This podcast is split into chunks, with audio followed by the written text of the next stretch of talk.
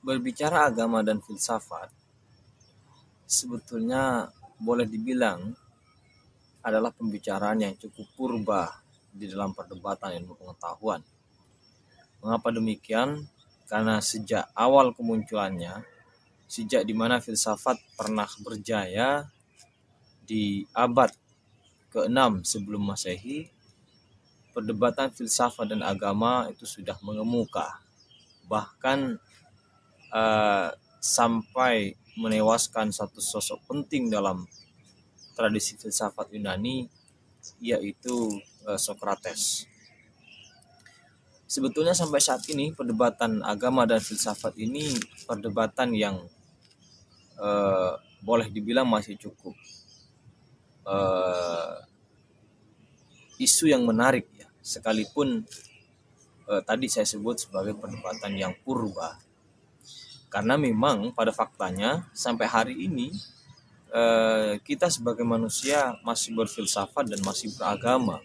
Karenanya perdebatan agama dan filsafat masih kita renungkan, masih kita lakukan eh, hingga eh, detik ini. Ada dua pandangan yang biasa secara umum mengemuka ketika membicarakan filsafat dan agama. Ada yang menilai bahwa filsafat akan melemahkan agama, filsafat akan merusak tatanan iman, filsafat akan menyerumuskan orang kepada eh, keateisan. Kemudian pandangan yang kedua justru melihat sebaliknya dengan filsafat cara beragama kita menjadi menjadi semakin matang, cara beragama kita menjadi semakin mapan, keimanan semakin kuat karena ditopang oleh Eh, kebenaran-kebenaran atau pencarian-pencarian pencarian-pencarian yang rasional. Dua pandangan ini yang uh, sampai hari ini sebetulnya uh, kalau kita melihat secara umum masih terus mengemuka. Namun demikian kita bisa melihat bagaimana perjalanan sejarah uh, pergumulan antara filsafat dan agama. Kalau tadi saya menyebut ada Socrates misalnya, memang di zaman uh, Socrates ini abad ke-6 sebelum Masehi itu eh, krisis agama dan filsafat menemukan martirnya, menemukan korbannya yaitu Socrates. Socrates yang dianggap sebagai eh, sosok filosof paling agung pada zamannya, eh, justru menjadi korban eh, oleh kalangan agamawan pada waktu itu yang percaya kepada keyakinan dewa-dewa. Bahkan menurut catatan Plato di dalam buku Apologia, Socrates dianggap menciptakan dewa-dewa baru dan merusak eh, terhadap eh, nalar kaum muda pada waktu itu. Tuduhan-tuduhan inilah yang membuat Socrates diseret ke depan pengadilan dan kemudian diputuskan dihukum mati. Ya kemudian minum racun. Tidak hanya sampai di situ sebetulnya eh, peradaban Yunani ini pada abad ke-6 Masehi ada kaisar namanya Justinianus di Konstantinopel ini resmi kemudian e, membubarkan sekolahnya Plato ya karena dianggap membahayakan iman Kristiani pada waktu itu.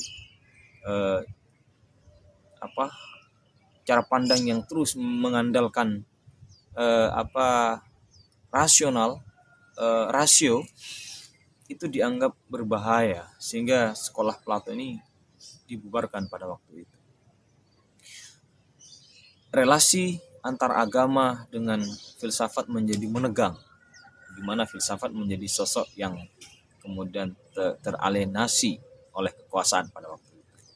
Sehingga ada filosof yang sangat cukup terkenal ya eh, pada zaman itu namanya Boetius.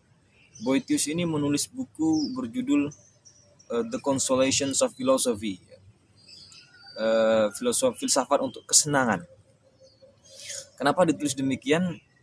Ini judul ini untuk mensiasati persekusi terhadap para filosof sebetulnya. Karena filosof dianggap uh, merusak pada waktu itu. Maka judul ini seolah-olah ingin menawarkan bahwa filsafat tidak tidak merusak filsafat justru untuk kesenangan filsafat justru untuk kebahagiaan. Ini yang dilakukan oleh eh, Boetius uh, beberapa filosof lainnya juga menggunakan filsafat sebetulnya walaupun uh, apa cara mereka menggunakan filsafat ini justru untuk memperkuat uh, nalar keimanan memang. Kita bisa lihat misalnya ada Agustinus ya yang sangat terkenal itu. Kemudian ada Petrus Abelardus kemudian ada uh, siapa uh, yang belakangan sangat terkenal itu uh, Thomas van Aquinas. Banyak sekali ya yang sangat terkenal di di, di jajaran Kristiani ya. Uh, peradaban lain yang juga menggunakan filsafat di dalam tradisinya uh, sebetulnya di dalam uh, Islam ya, terutama abad ke 89-an lah uh, di mana dinasti Abbasiyah berkuasa terutama uh, Khalifah Al-Ma'mun. Khalifah Al-Ma'mun sangat terkenal sebagai sosok yang paling gencar membangun ilmu pengetahuan, uh, meng, men, apa, memasukkan filsafat Yunani ke dalam Islam melalui penerjemahan karya-karya Yunani ke dalam bahasa Arab. Konon cerita uh, Al-Ma'mun pernah bermimpi sebagaimana dicatat oleh uh, Abid Al-Jabiri di dalam buku uh, Formasi Nalah Arab. Konon cerita Al-Ma'mun pernah bermimpi tentang Aristoteles. Di situ dia berdialog katanya. Nah, dari dialog itu dia kemudian terperanjat dan meminta terhadap uh, kerajaan Romawi untuk mengirimkan beberapa buku-buku Yunani, pemikiran Yunani untuk dikirimkan ke ke, ke negaranya untuk kemudian diterjemahkan. Pada waktu itu di era Al-Ma'mun ini ada penerjemah yang sangat terkenal. Salah satunya yang justru berasal dari uh, agama Nasrani. Dia adalah uh, Hunain bin Ishaq. Hunain bin Ishaq ini menerjemahkan ratusan buku sebagaimana dicatat oleh uh, Philip Kahiti. Uh, salah uh, salah satu buku yang sangat terkenal itu bukunya Galen, buku tentang kesehatan ini juga berhasil diterjemahkan ke dalam bahasa Arab oleh uh, Hunain bin Ishaq. Anotasi-anotasi terhadap pemikiran Yunani juga dilakukan ya. Uh, karena itu di abad-abad ini kita mengenal pemikiran yang disebut peripatetik, pemikiran yang masyaiyah dalam bahasa Arab itu, yaitu pemikiran yang mengadopsi cara pandang uh, Aristoteles. Nah, dalam pandangan masyaiyah ini kita melihat beberapa tokohnya yang penting di antaranya misalnya ada Al-Kindi, ada Al-Farabi, ada Ibnu Sina, eh, dan yang paling belakangan itu ada Ibnu Rus. Walaupun memang di dalam tradisi Islam ada Al-Ghazali yang lahir ya, eh, yang menulis buku Tahafud Al-Falasifah, kerancuan filsafat yang kemudian melakukan kritik habis-habisan. Ada 20 poin kritik di situ. Eh, 17 poin ini membuat eh, filosof dalam konteks dalam konteks ini adalah uh, pemikiran Al-Farabi dan Ibnu Sina. Uh, pada poin 17 poin itu menyatakan uh, pemikiran filosof ini bid'ah. Kemudian ada tiga, tiga poin lainnya yang membuat filosof ini menjadi kafir. Ya. Makanya di bagian akhir itu uh, Al Ghazali menjustifikasi boleh dibunuh kalau tidak salah uh, filosof yang sudah kafir ini. Walaupun demikian, eh, pemikiran Al-Ghazali ini sudah diselesaikan oleh Ibnu Rus ya. Dia juga menulis buku Tahafud At-Tahafud. Dia juga merinci 20 poin yang menjadi pandangan Al-Ghazali dibalas secara tuntas juga oleh Ibnu Rus di dalam buku At-Tahafud itu sebanyak 20 poin juga. Jadi sebetulnya pertikaian agama dan filsafat yang paling berdarah-darah ini boleh dibilang terjadi antara Ibnu Rus dan Al-Ghazali di dalam tradisi Islam. Walaupun itu sudah selesai, sudah terjawab semua. Itu yang yang uh, kita temukan uh, pergulatannya. Nah, kemudian apakah kita sampai hari ini masih layak membicarakan filsafat dan agama? Saya kira masih, karena sebetulnya uh, agama ini kan bersandar kepada uh, yang kita sebut nas ya. Kalau dalam Islam ada Al-Quran, ada Al-Hadis. Problemnya kemudian Al-Quran dan Al-Hadis ini tidak bisa menjelaskan dirinya secara langsung, secara gamblang terhadap perkembangan zaman yang terus-menerus. Karena itu kemudian manusia perlu menginterpretasi, perlu menerjemahkan. Makanya dalam tradisi Islam ada ada istilah ijtihad ya. E, proses pencarian hukum Islam selain Al-Qur'an dan hadis. Ya.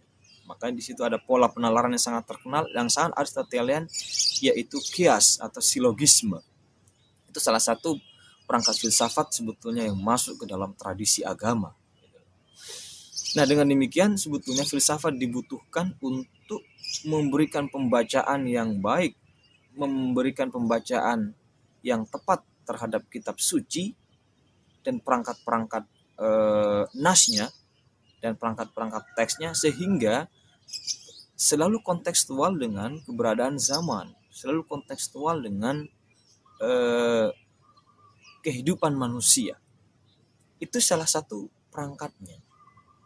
Jadi uh, filsafat ini justru dibutuhkan untuk menguatkan keimanan kalau demikian, untuk menguatkan cara beragama kita, bukan justru untuk uh, melemahkan keberagamaan kita.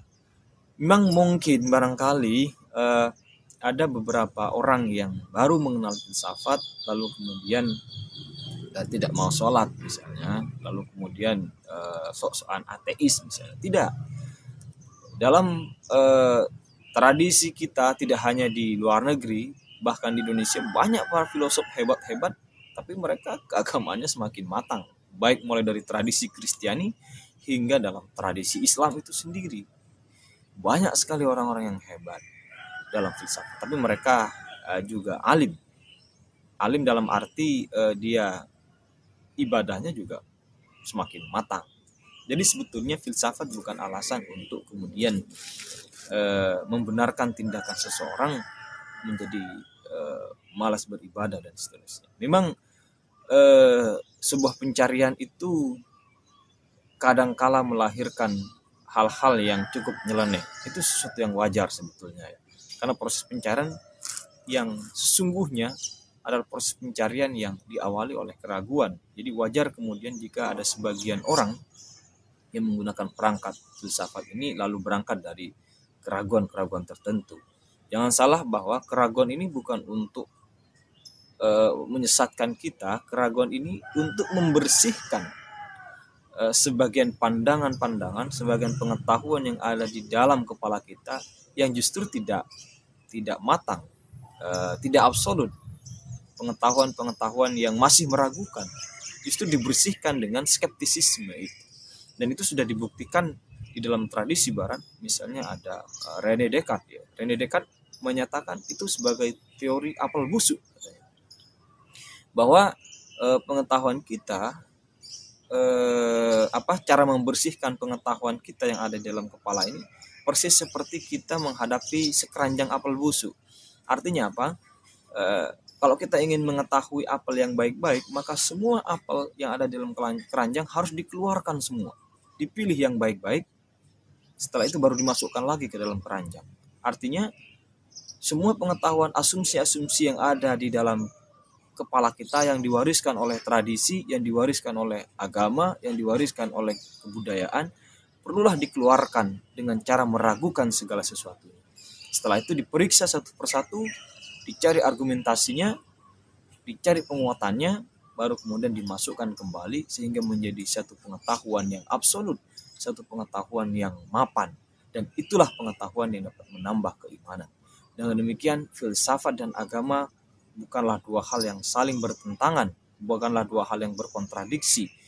Filsafat dan keimanan adalah satu hal yang sama sebetulnya di dalam diri manusia. Walaupun banyak yang melihat filsafat bergerak di wilayah rasionalitas di kepala, sedangkan agama bergerak di wilayah hati, yaitu di dada kita.